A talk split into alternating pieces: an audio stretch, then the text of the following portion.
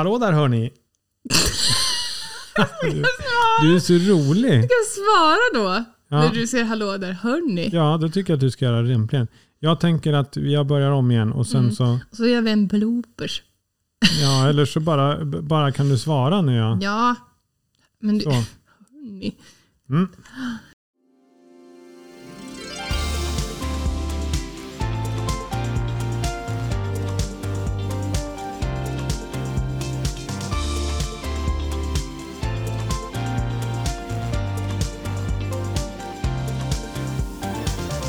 Hallå där hörni! Hej. Välkomna till ett nytt avsnitt av podden Kommunikatörerna. Ja. Med mig Jesper Tengroth och eh, Mig, Mia Sal. mm, det var väl inte så svårt det där. Nej, det var inte så svårt. Men det är, ibland blir man fnissig. Mm. Ja. Och då får man göra om. Och det gjorde vi nu. Ja, det gjorde vi nu. Du, eh, jag har gått och varit lite småfnissig ända sedan eh, vi spelade in det förra avsnittet. Med Jenny Madetsam. Ja, för jag tyckte nämligen att det var så intressant och det är liksom intressant fnissig har jag varit. Ja. Inte flamsfnissig utan Aldrig. intressant fliss- fnissig. Ja, absolut. Ja, nej, jag eh, blev också lite upprymd av Mm. det här samtalet. Mm. Kommunikation ryms i allt. Ja, Mm. även inom politiken. Ja, Och det var ju det vi pratade om. Ja, men precis. Har du inte lyssnat på det så gör det. Precis. Men du, ehm,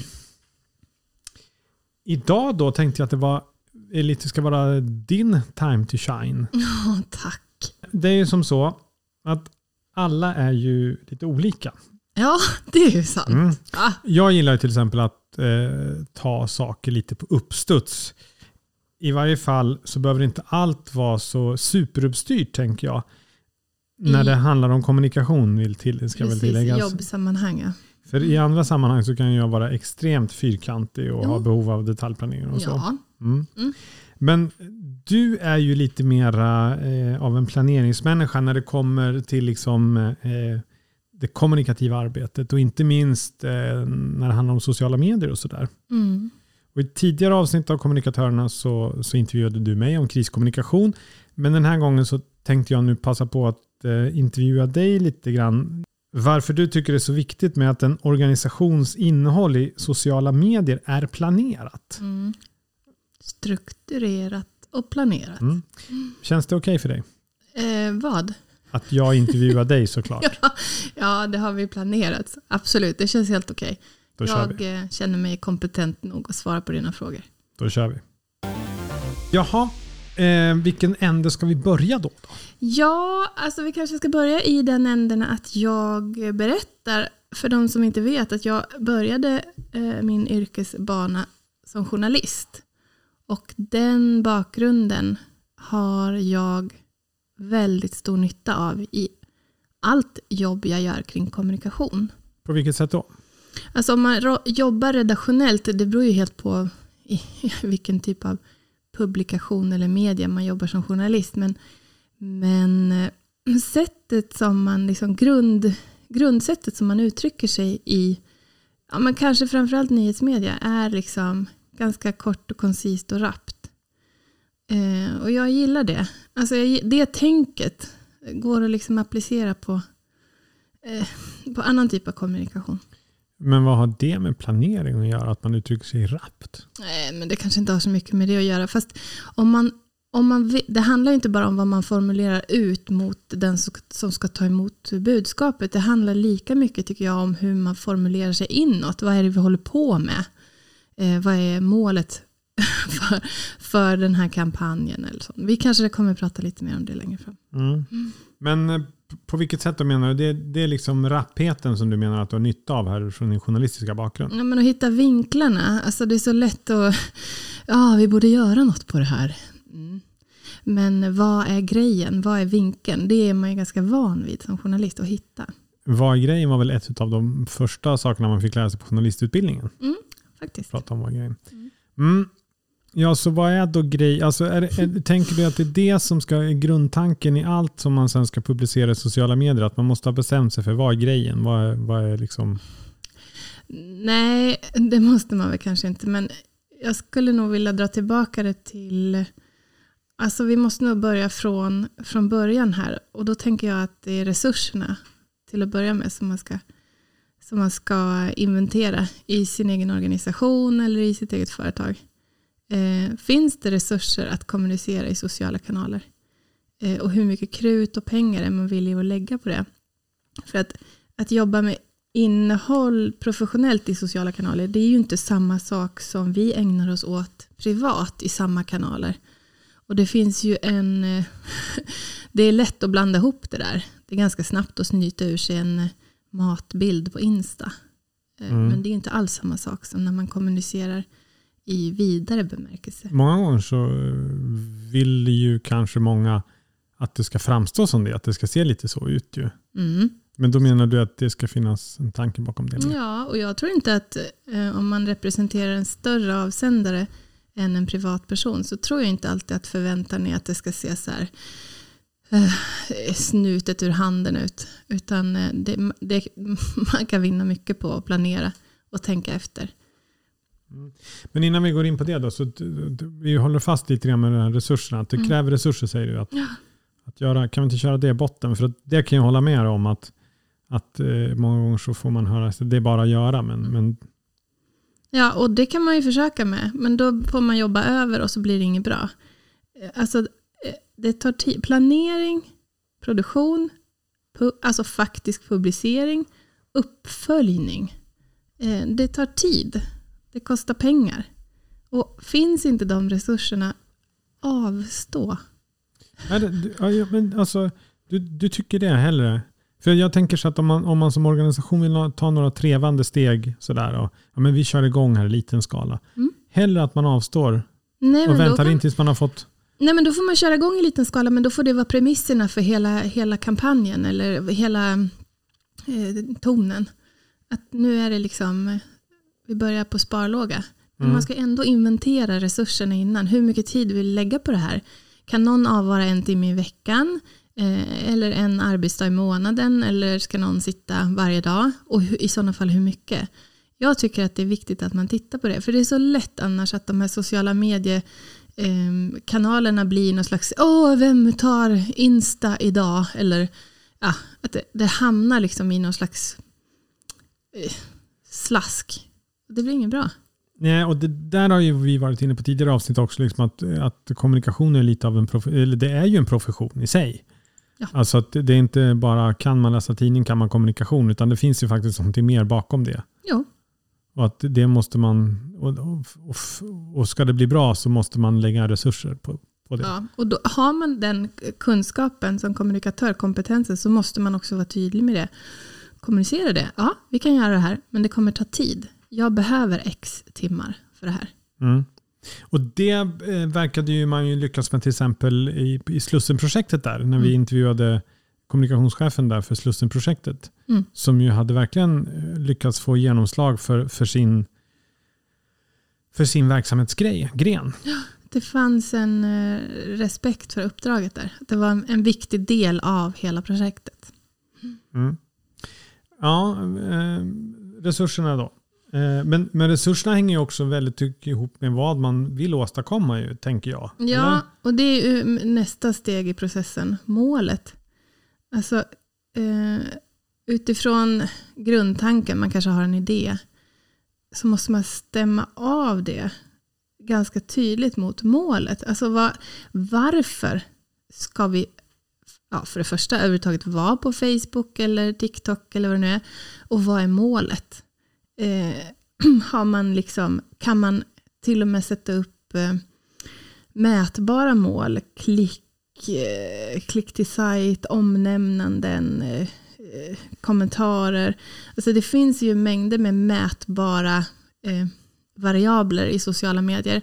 Eh, jag tycker att man kan sätta en liten KPI från början, ett mål eh, för sig själv. Också för att se, var det något, ska vi fortsätta vad, vad gick bäst?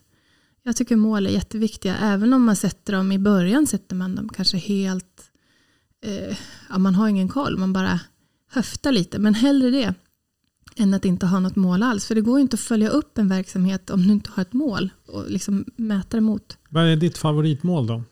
Nej, men det beror helt på vad för typ av kommunikation man trycker ut. Om målet är att eh, eh, få fler att köpa en produkt, ja, då kan man ju sätta ett eh, merförsäljningsmål eller ett, ett x antal nya kunder eller ja, någonting väldigt, det är väldigt mätbart, eller ökad omsättning på sikt. Eh, men om man jobbar mer med varumärkesbyggande och så, då får man titta inåt kanske också. Har vi några sätt att, att stämma av? Har vi en kundtjänst som kan komma med info eller har vi, gör vi kundundersökningar eller eh, sådana saker. Så det, det är olika mål eller olika mätpunkter för olika mål. Eh, och det där får man nog klura lite på. Ja, det tar också sin lilla tid. Att, att faktiskt tänka igenom hur mäter vi det här. Jag tycker det är jättesvårt att sätta upp mål. Det är bland det värsta jag vet. Mm, men de flesta, alltså man kan ju faktiskt jämföra sig med andra lite grann. Om man har en konkurrent eller så som finns i sociala medier. Man kan titta hur många följare de har. Eller, ja, det, kan vara en, det kan vara en startpunkt och sen kanske man bara man får vara tydlig med sig själv när man sätter målen att de är kanske lite svävande från start. Men det är ändå ett mål. Målet att öka antalet följare, är det är det en målsättning som är, är ens något att ha? Eller är det en liksom bara en blaha blaha? Nej men det kan det ju vara. Men eh, det alena är kanske inte, ja det är väl inte något, eh, det, det är inget självändamål att ha många följare. Om man inte sen tänker sig att eh, man ska mata de här följarna med specifikt innehåll eller få dem att handla en produkt eller eh, gör, utföra någonting. Eller. Då är det ett mål på vägen mot målmålet så att säga. Ja, men... Alltså att, att, att, man, man bygger upp en, en följarbas mm. för att sen kunna få dem och förmå dem att göra de andra sakerna som man skulle vilja. Då. Ja, absolut. Mm. Du sa att också mål, att sätta upp mål eh, måste få ta tid. Hur, hur, hur kan det, den processen se ut då? Alltså, eh, är det något man ska sitta och eh, humma med själv på sin egen kammare på kommunikation eller ska man försöka involvera resterande delar av organisationen eller hur tänker du ja, dig det kring det? Det tycker jag definitivt. För att det, och det, återigen, det beror ju helt på vad för organisation man, man jobbar i. Men det är klart att eh, det finns kanske oftast en marknadsavdelning eller ja, som man kan jämföra anteckningar med. Hur mäter ni framgångar i ert arbete?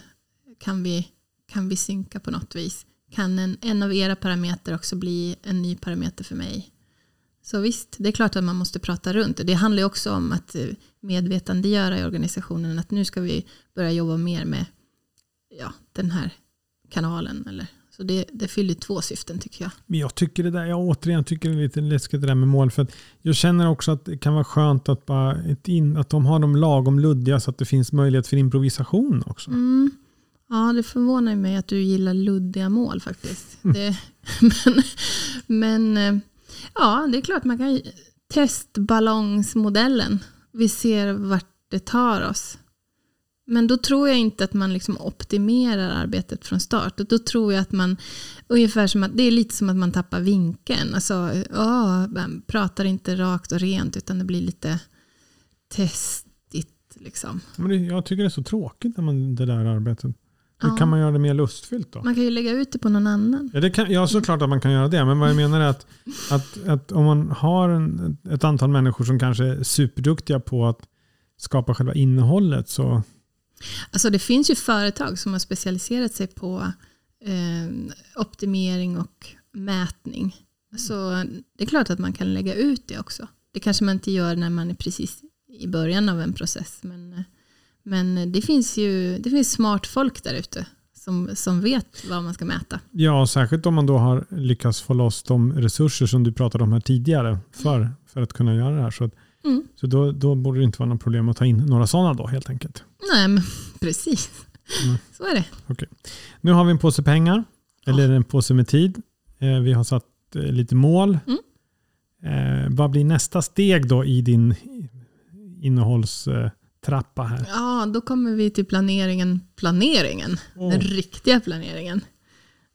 Först då, eh, som vi ju har varit inne på, samordning med andra enheter. Eh, det finns mycket att vinna och prata runt. Det gör det ju alltid när man jobbar i en organisation som är större än en person. Men eh, eh göra, alltså, lite research kanske till och med. Eh, Vad, eh, vad pågår? Vad händer? I din egna or- organisation menar du? Mm.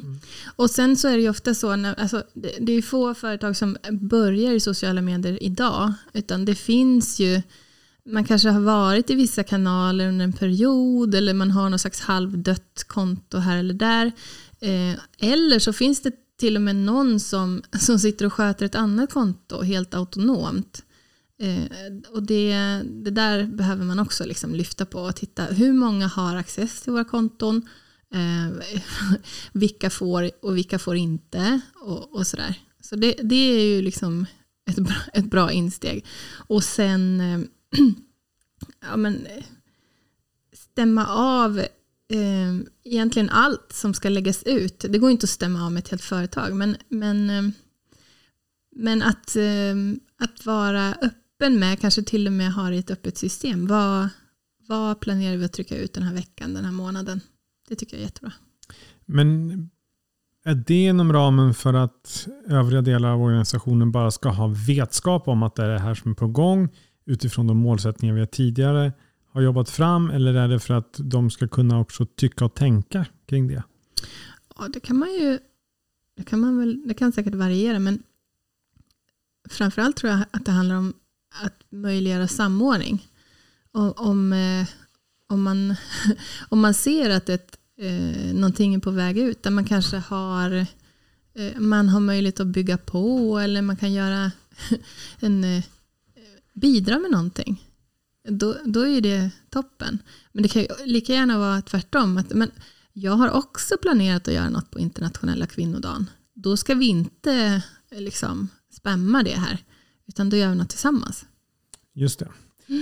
Eh, Ja, det finns ju en hel del eh, planeringsverktyg och sånt där va? Ja, Som man kan använda sig av. Har du något bra tips där då som du känner att ja men det här jag, är... jag har jobbat lite olika, men Trello tycker jag är ett, det är ett fint verktyg. Eh, funkar jättebra för enklare organisationer. Kan lägga upp en kalender med olika kanaler och dra, Eh, liksom flytta inläggen vartefter de går framåt i processen. Från idé till, eh, till att eh, en post är publicerad till exempel. Så Trello funkar bra. Man kan dra, jobba i Dropbox Paper eller Asana eller Google-kalendern funkar också. Excel är öppet i... Ja, det beror lite på hur omfattande ens verksamhet är. Tycker jag. Sen finns det ju, man kan ju också köpa, men då är det ju en helt annan... Ja, då krävs en investering. Man kan köpa publiceringsverktyg. Den typen av verktyg som finns på vanliga nyhets och tidningsredaktioner. Eh, många av dem har också byggt ut eh, sin, sin mjukvara så att man kan, man kan använda den i, i ett icke-publicistiskt syfte så att säga och jobba med det i sitt företag istället. Så det finns också, alla möjligheter. Mm. Mm. Eh, men eh, det där är något, återigen, den planeringen, det måste in där. Du vill inte, det ska inte freebasas på något sätt. Men ska inte? Det är klart att det finns exempel på eh, eh, företag och myndigheter där det har freebasats från början och blivit väldigt bra. Mm. Men då, då är det ofta så, i alla fall de exempel jag har sett, att det finns en eldsjäl. Och då är- är också organisationen trygg med den eldsjälen. Just det. Men så fort det bör blandas in flera kockar i innehållssoppan så tycker jag att planering är bra. Sen kan man vara snabb på bollen. Händer det något i, idag som vi vill reagera på? Det är klart att man ska kunna göra det också. Ja, nu känner jag börjar jag känna mig lite tryggare. Mm, Att, man inte, att man inte bara låser vid den här planen. Nej, nej men en, en plan har man ju för att man ska kunna vara flexibel om jag ska vara lite... Ja, den, Det är klart att man måste kunna Mm. eh, flexa Mm. om man vill. Ja, men då så. Då, ja, då ska jag kanske släppa frågorna, inga fler frågor om planeringen. För nu fick jag det ändå lite dit jag, Ja. dit jag ville. Att, det, att, man, att det måste ändå finnas ett visst mått av möjlighet till någon form av improvisation också i, ja, i den planerade kommunikationen. För så känns ju hela eh, sociala medier-bygget. Liksom, som att det vill ju i alla fall vara någon form av chimär av att det händer saker här och nu Mm. och det är en, en liksom, det ska vara någon form av skön känsla att just nu så eller Ja. Ja, men I en välplanerad organisation, om du får en idé nyss, då vet du ju vart du ska ta den idén. Och så kan du få ut den snabbt också. Men du kan också se till att den inte krockar. Nej, det har vi redan planerat. Eller det där gjorde vi igår Jesper. Den är ju inte jätteskön. Mm, eh, vi rullar vidare hörru. Mm. Eh, vad, eh, nu är det planerat och klart. Ja, Blir det verkstad nu då? Nej, men det blir det nog inte. Inte om jag får, om jag får vara med och bestämma. För då tycker jag att man också ska klura några varv på sin tonalitet. Har man en stor eh, ja, men marknadsavdelning till exempel, så kanske ens, eh, ens, ens arbetsplats redan har en tone of voice eller en, eh, någon typ av tonalitetskarta. Men har man inte det, har man inte alls tänkt på det, då bör man klura lite på det. Hur låter vi i sociala medier? Hur pratar vi? Ehm, och, och, ehm, och hur pratar vi inte? Det är kanske nästan lika viktigt.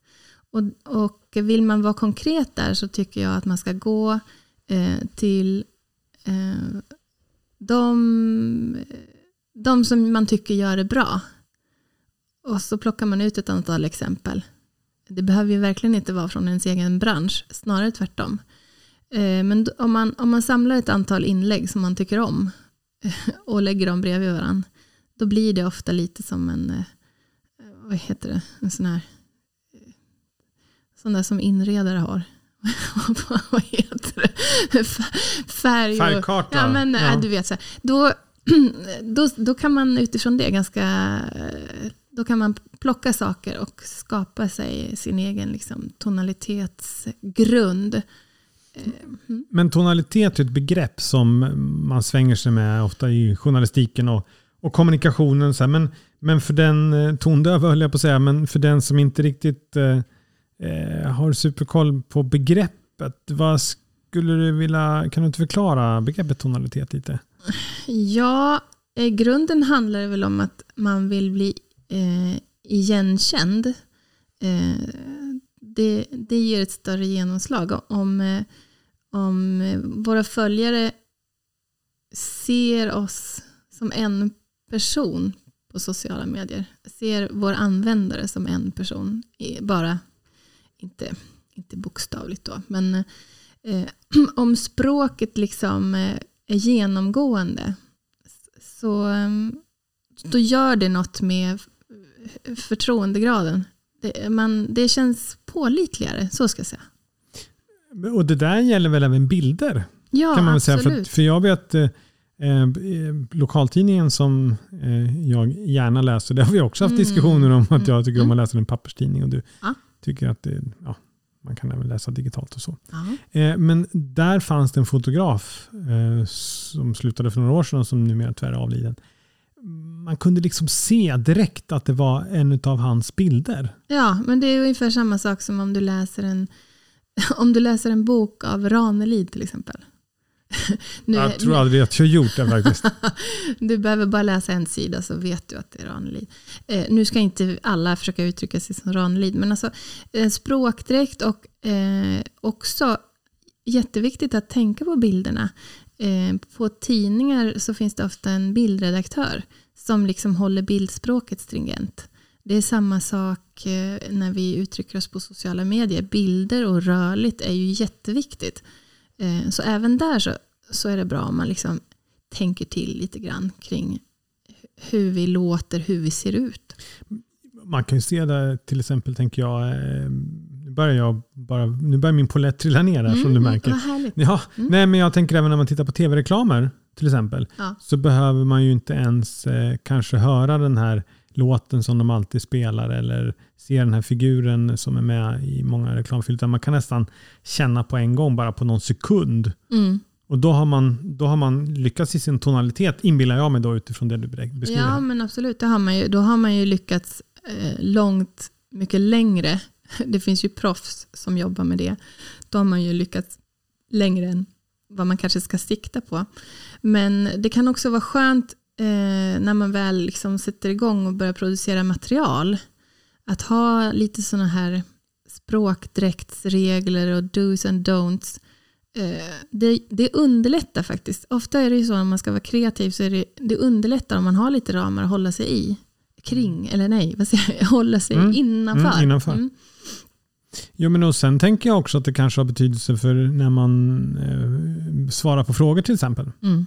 Absolut. Att det följer också en, en, en linje som, som gör att eh, kunden eller eh, mottagaren, vad det nu är för någonting, Mm. känner igen sig att, att det är på det här sättet som det här företaget eller organisationen kommunicerar och det märker jag också när jag får svar på mina frågor. Precis. Jag tror i det avsnitt som vi gjorde tillsammans med eh, Försvarsmakten, vad heter han? Kristoffer Dahlin.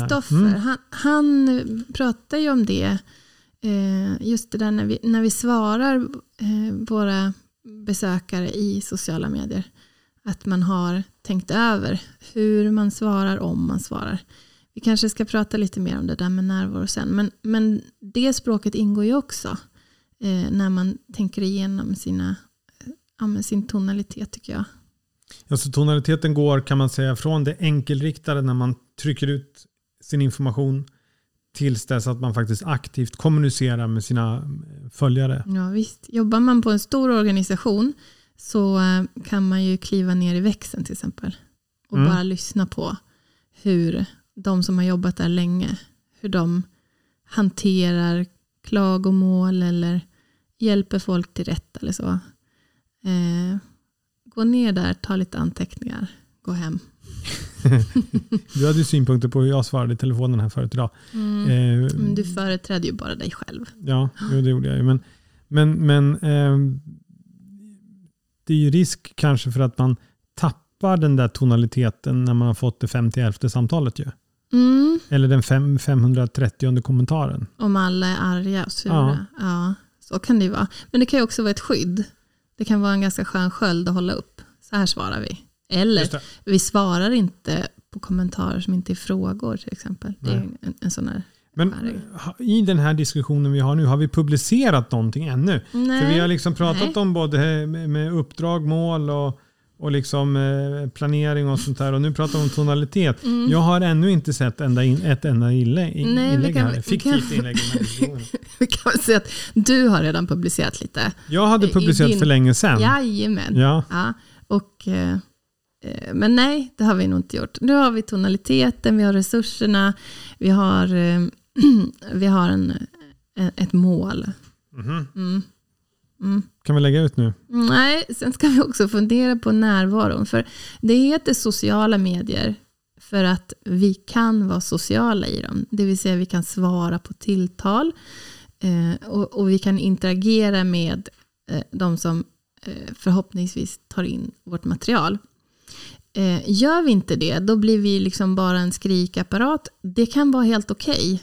Det kanske bara är det man vill. Om man jobbar för en myndighet som har till uppgift att informera om eh, vaccin. Ja, eh, då kanske man har andra, andra kanaler att svara i. Men, eh, men närvaron eh, är, den är bra att tänka över för att det är samma sak där. Eh, ja, men du, du kollar väl kommentarerna lite under dagen. Eller hur man nu liksom delegerar det där. Det, det, då riskerar man ju att framstå som ja, lite döv eller inte schysst. Särskilt om man jobbar med material som uppmanar till interaktion. Det gör ju många idag. Eh, kommentera här, berätta om din dag, eh, vad tycker du, eh, fyll i, whatever. Men finns det ingen mottagare där så, ja. Och det, det är samma sak som vi pratade om innan då, att, att vara närvarande, svara, interagera, det tar också tid. Mm. Det gör man inte liksom medan man fikar med kollegorna. Nej, inte om man då ska hålla den här tonaliteten som ju du pratade väldigt mycket om. Alltså svara kan man göra med vänsterhanden då, men, Mm. men risken är väl, antar jag, att man då tappar det som man har pratat om under alla de andra stadierna Mm. eh, i det ett, ett enda svar där. Mm. Och då ska man ju vara medveten om att eh, till, ja, Facebook är typexemplet. En post som du lägger ut, den kan du få spridning på, du kan betala för det. Eh, och det kan vara gott så. Men äh, får du dessutom till en diskussion i kommentarsfältet äh, där någon tycker si och någon annan säger emot. Det vet du ju själv när du, när du scrollar runt att det kan ju vara jätteintressant att följa en sån diskussion. Äh, så att de här kommentarerna som i, i, vissa kanaler kan komma, de, är också, de kan också vara en, ett ansikte utåt för dig, även om de är kritiska. Mm. Mm. Man ska inte vara rädd för dem då menar du? Nej, det tycker jag faktiskt inte. Jag, eh, nej, jag, eh, återigen, det beror på vem man företräder och, och vilken tonalitet man ska ha. Men eh, att väcka debatt idag, det är ju inte särskilt... Eh, det är ju inte att sticka ut hakan egentligen. Det är det vi gör på sociala medier, bland annat. Diskuterar och, och tycker och tänker så. Finns det någon tumregel för, för närvaron för en organisation? Man måste inte publicera massor hela tiden. Bara för att man är stor eller vill växa. Eller, det är, jag vet inte om det finns någon som tror det nu, men det, vi måste vara där, vi måste lägga ut x poster varje dag. Nej, släpp det. det Har ni bara en bra grej i veckan, ja, men, fila på den då mm. istället. Eh, men är det inte så att de här logaritmerna också ställer till det egentligen? Att om man ska, eh, till exempel på Facebook, att man, att man helt enkelt bara ska publicera lagom mycket? Det där är ju också så lurigt. Det går ju trender i det där och folk försöker ligga steget före. Särskilt de här analytikerna, de som kan mäta mål och så. Eh, men det växlar ju så snabbt nu. Så jag tycker inte att man någonsin ska anpassa innehållet efter kanalens i nuet kanalens sätt att mäta eller algoritma upp saker. För att ja, men nästa vecka är det något annat som flyger. och Så. Ja, det, återigen det där med det redaktionella tänket. Har man en vinkel, har man en bra rubbe och en ingress. ja, hellre det än att försöka lura systemet genom att posta på ett visst sätt för att man tror att det kommer flyga. Det är, det är bara kort det är som att kissa i brallan ungefär. Mm. Man ska lita på sin egen, sitt eget omdöme helt enkelt. Ja. Det, det du säger. Och ha bra innehåll. Mm.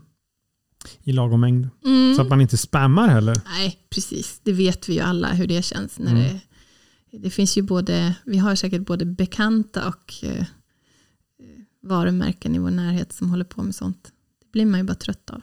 Går det liksom att se när eh, ens följare när de mår bäst? Bra fråga. Av, av, jag menar alltså mår bäst av, av det innehåll som, som jag och min organisation publicerar menar jag. Ja, om du har satt upp mål så kan du se om du börjar närma dig dem. Eh, och som sagt, säljer du någonting, en vara eller en tjänst, då bör ju försäljningen gå upp på sikt. och då är det ju lättare att mäta. Men eh, Ja, alltså om, om någonting blir väldigt delat, det kan ju vara ett sätt. Eh, mm. Det, det, kan ju vara ett tecken på att det här var intressant. Det här tyckte många var värt att dela. Roligt eller kvickt eller viktigt. Så visst, men eh, ja, annars är det väl mest att man vill ha en följarbas som, som är stadig eller ökar, inte sjunker. Nej, för det känns ju som att man kastar pengarna i sjön. Mm. Och många jobbar ju med sociala medier som en liksom magnet in till sin sajt. Så mm. fungerar det ju för många. Och då är ju, ja, men då är ju antalet besökare på sajten en, en, en väldigt viktig variabel.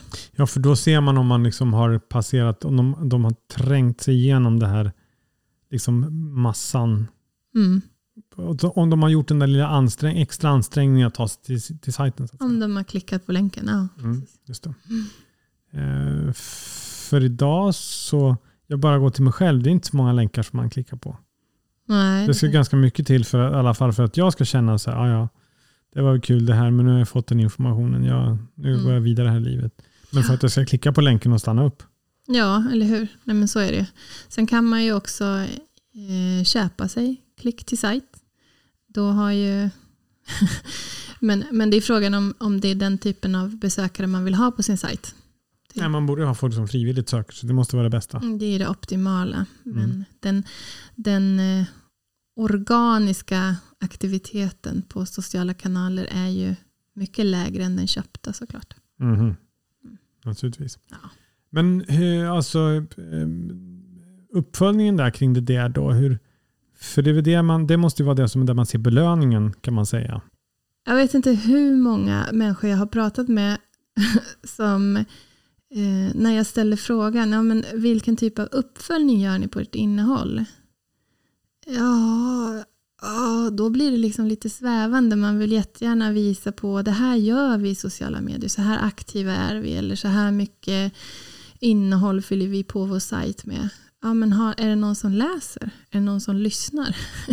Där, jag kanske är lite skadad men, men det är väl ändå därför man publicerar sig även om man inte är journalist.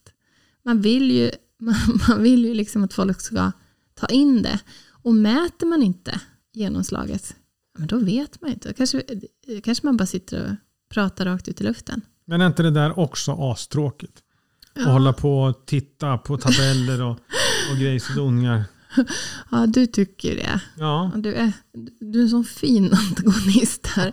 Jag tycker inte det. Nej, jag tycker nej. det är jätteroligt. Jag tycker man brassar ut och så mm. ja, det, då är det gjort. Liksom. Mm. Bara, det är väl inte mycket att gråta över spilld mjölk om det inte blir... Men då kan vi väl säga så här, man ska, eh, om man ska satsa lite på uppföljning, då ska man välja en person som sköter det, som gillar siffror och som gillar eh, sambands... Eh, du tänker inte att jag tänker att du kanske inte får det jobbet Nej. i min firma. Nej, okej. Okay. Nej. Nej, du menar så. Nej. Eh, för det, är också, det finns ju också ganska mycket företag nu som jobbar med uppföljning. Ehm, men min erfarenhet av dem, eh, de är superduktiga. Men väldigt få av dem har redaktionell bakgrund. Så om man sitter och publicerar innehåll, tar hjälp av en extern part för analys och sen säger ah, de här inläggen eller de här eh, texterna, poddavsnitten, whatever, de flög. Varför gjorde de det? Då kommer de här siffernissarna inte kunna svara på det. Mm. Utan då, då får man gå tillbaka till de som kanske kan lite mer av eh, budskap och tonalitet. Eh, för, för det är ofta där man hittar det då. Om man som sagt inte har köpt eh, sina klick eller sina besökare. Men det är inte det vi pratar om här. Vi pratar organisk framgång. Men då känns det ju som att det är lite av ett lagarbete där. Ja, definitivt. Att man, att man måste, för att man ska kunna göra en bra uppföljning, så måste man inte bara ha någon som är en hejare på att räkna klick. Nej.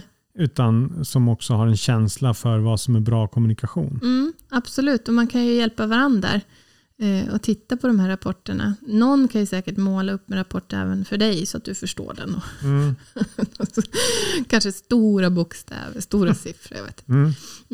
Men, eh, men man kan ju överlåta till de som är mer analytiskt lagda och liksom dra ut eh, hur ska rapporten se ut, en daglig eller en veckovis eller någonting. Men, eh, men det är också en grej. Eh, analys är, liksom, det är löpande. Det mesta innehållet vi lägger ut ligger ju kvar. Mm. Så man kan ju inte säga så här, eh, vi hade hundra besök. Eh, ja, men in, under vilken tid? Mäter du imorgon så har du kanske fler. Mm. Du kommer aldrig få färre i alla fall. Så att, eh, stadig analys, om en, bara en liten, du vet på morgonmötet. Just det. En liten snabb rapport bara. Mm. Hur, hur, ser det ut? En lite flavor of the day på det sättet. Ja, men lite så. Om man nu har tagit in några och man har gjort det här fina lagarbetet där räknenissarna har räknat antalet klick och man har haft sådana som kan se vad som är bra kommunikation eller inte. Men det spelar ingen roll om du gör en hundrasidig liksom, rapport du måste ju ändå ta det vidare sen tänker jag. För det måste ju ändå återmatas till nästa planeringscykel mm. på mm. hur man ska skruva på, ja. på eh, kommunikationen. Ja, tänker då, jag. Precis, och då börjar det ju om kan man mm. säga. Om man, om man är ny på det här med innehållsproduktion, ja men då kanske man också sätter upp eh, datum för nästa eh, planeringsmöte, nästa grovskiss. Ett årshjul är ingen dum idé om man jobbar så eller kvartalsjul eller ja, beroende på hur ens verksamhet är upplagd. Där man kanske plottar ut de stora sakerna som man vet. Vi ska ha den här konferensen, eller vi ska, ja, allt det där. Eh, och sen, eh, sen stämmer man av eh, efterhand och då ska ju analysen in. Då ska vi, och då ska vi plocka bort det som vi har tänkt göra som inte flyger. Det ska man, man också våga göra. Just det. Det är ingen idé att sitta och liksom hamra in grejer på internet som ingen vill ha. Nej, Nej, så är det ju. Måste Nej, men så är det ju förstås.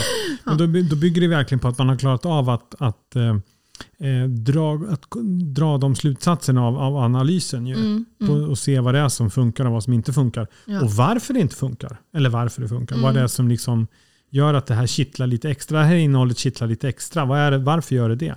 Varför tilltalar det oss? Och, och ska, är det det vi ska fortsätta med? Liksom? Mm.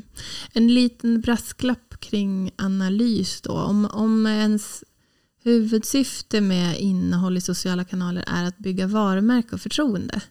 Då kan det vara, då kan det vara svårmätt. För du kanske inte drar så många klick till sajt eller du, du får inga extra ordrar eller, eller vad det är. Så eh, i, så, i sådana eh, ja, men om man jobbar så långsiktigt, för det vill jag ju säga att det är då, var, alltså att man ska bygga upp ett förtroende eller så. Eller ta tillbaka ett förtroende som man har förlorat på grund av någonting. Då, då får man klura lite extra på hur det där förtroendet ska mätas. Det får man göra på andra sätt, kanske via kundundersökningar eller så. Mm. Ja, för att återta ett förlorat förtroende, det känns ju som en, liten, en ganska stor uppgift. Mm, ja, det är, ju, det, är ju, det är en uppgift som inte en eh, redaktör för sociala kanaler ska ha det fulla ansvaret för naturligtvis. Det är ju större än så. Men det, det har vi inte pratat så mycket om. Men, men eh, det ser ut så nu att eh, ja, men för några år sedan så var det byråer som skötte eh, det mesta av innehållsproduktion för många företag, även stora företag och myndigheter och organisationer. Eh, nu börjar ju det där förändras. Man börjar plocka in och göra liksom in-house Ehm, redaktioner eller vad man ska kalla det. Men det är fortfarande så, så vitt jag har sett, att eh, de här redaktionerna som börjar byggas upp inne i, i, i organisationerna, de sitter inte alltid ihop med till exempel marknad. Och det tycker jag är, det är beklagligt i de fall det är så. Och jobbar man med innehåll eh, i en organisation där det också finns en, en marknadsavdelning, då är det ju, det går ju hand i hand. Men de här redaktionerna som byggs upp på, på olika, i olika organisationer, som har pågått under några år faktiskt, Mm, ja, ja. den trenden. Mm. eh, Det är inte så att den började igår direkt, utan Nej. den har ju funnits nå- några år. Mm. Vad är den största nyttan med det då? I grunden kanske det handlar om kostnader. Alltså, jobbar man aktivt mycket i sociala kanaler och ska anlita byråer för allt, all produktion, det blir ju jättedyrt. Ha konsulter som gör någonting som en del av den dagliga verksamheten, det har ju sällan varit lönsamt på lång sikt. Så att, eh, det kan man väl tänka sig är huvudorsaken. Sen är det ju, eh, tror jag, mycket bättre att ha eh, innehållsproducenterna närmare källan, alltså in i organisationen. Så att man, ja, man pratar rätt och har koll på eh, vad som händer. I din planering nu inför det här avsnittet, känner du nu att du har fått, upp, fått med dina huvudpunkter här? Ja, men jag tror det. Jag tror att jag har sagt allt. Är Mm. det någonting som du brukar höra mig säga som jag inte har sagt? Ja, mysigt har du inte sagt tror jag någon Mysigt? enda gång. För det brukar du säga. Ja, har jag inte sagt det? Nej, jag tror faktiskt inte att du sagt det i det här avsnittet. Men Nej. i, i eh, kom, podden Kommunikatörernas historia har du sagt mysigt. Ja. Det Kanske är för att jag, är, att jag inte vill, jag vill framstå som väldigt kompetent. Och Mm. i min tone of voice så ingår inte ordet mysigt när jag liksom är så här pro, professionell. Jag förstår. Ja, men jag tycker att innehåll är mysigt. Det är därför jag jobbar med det. Hörru, ska vi eh, tacka för kaffet för idag? Ja, men det kanske vi ska göra. Mm. Och huvudbudskapet från din sida det är alltså att planera mera men var ändå lite öppen för improvisation. Planera mer för att kunna vara öppen för improvisation som ger någonting. Vilka visdomsord. Ja, eller hur? Kommunikatörerna.se heter vår webbplats. Mm, där kan man lyssna och mejla oss om man vill. Man kan också följa oss i sociala kanaler såklart. Även om vi inte är så, vi är inte så frekventa där. Nej, den planeringen brister vi lite i kanske. Men vi är ganska stringenta. Ja, det är vi. Mm, Mm. det är vi. Kommunikatörerna.se Ja, och på eh, Instagram. Mm. På Instagram, precis. Du, eh, bock och tack för idag då. Bra jobbat. Tack snälla. Detsamma. Hej på dig. Podden Kommunikatörerna produceras av Sal Media och aktiebolaget Tengrots Ord. Musik Niklas Thelin.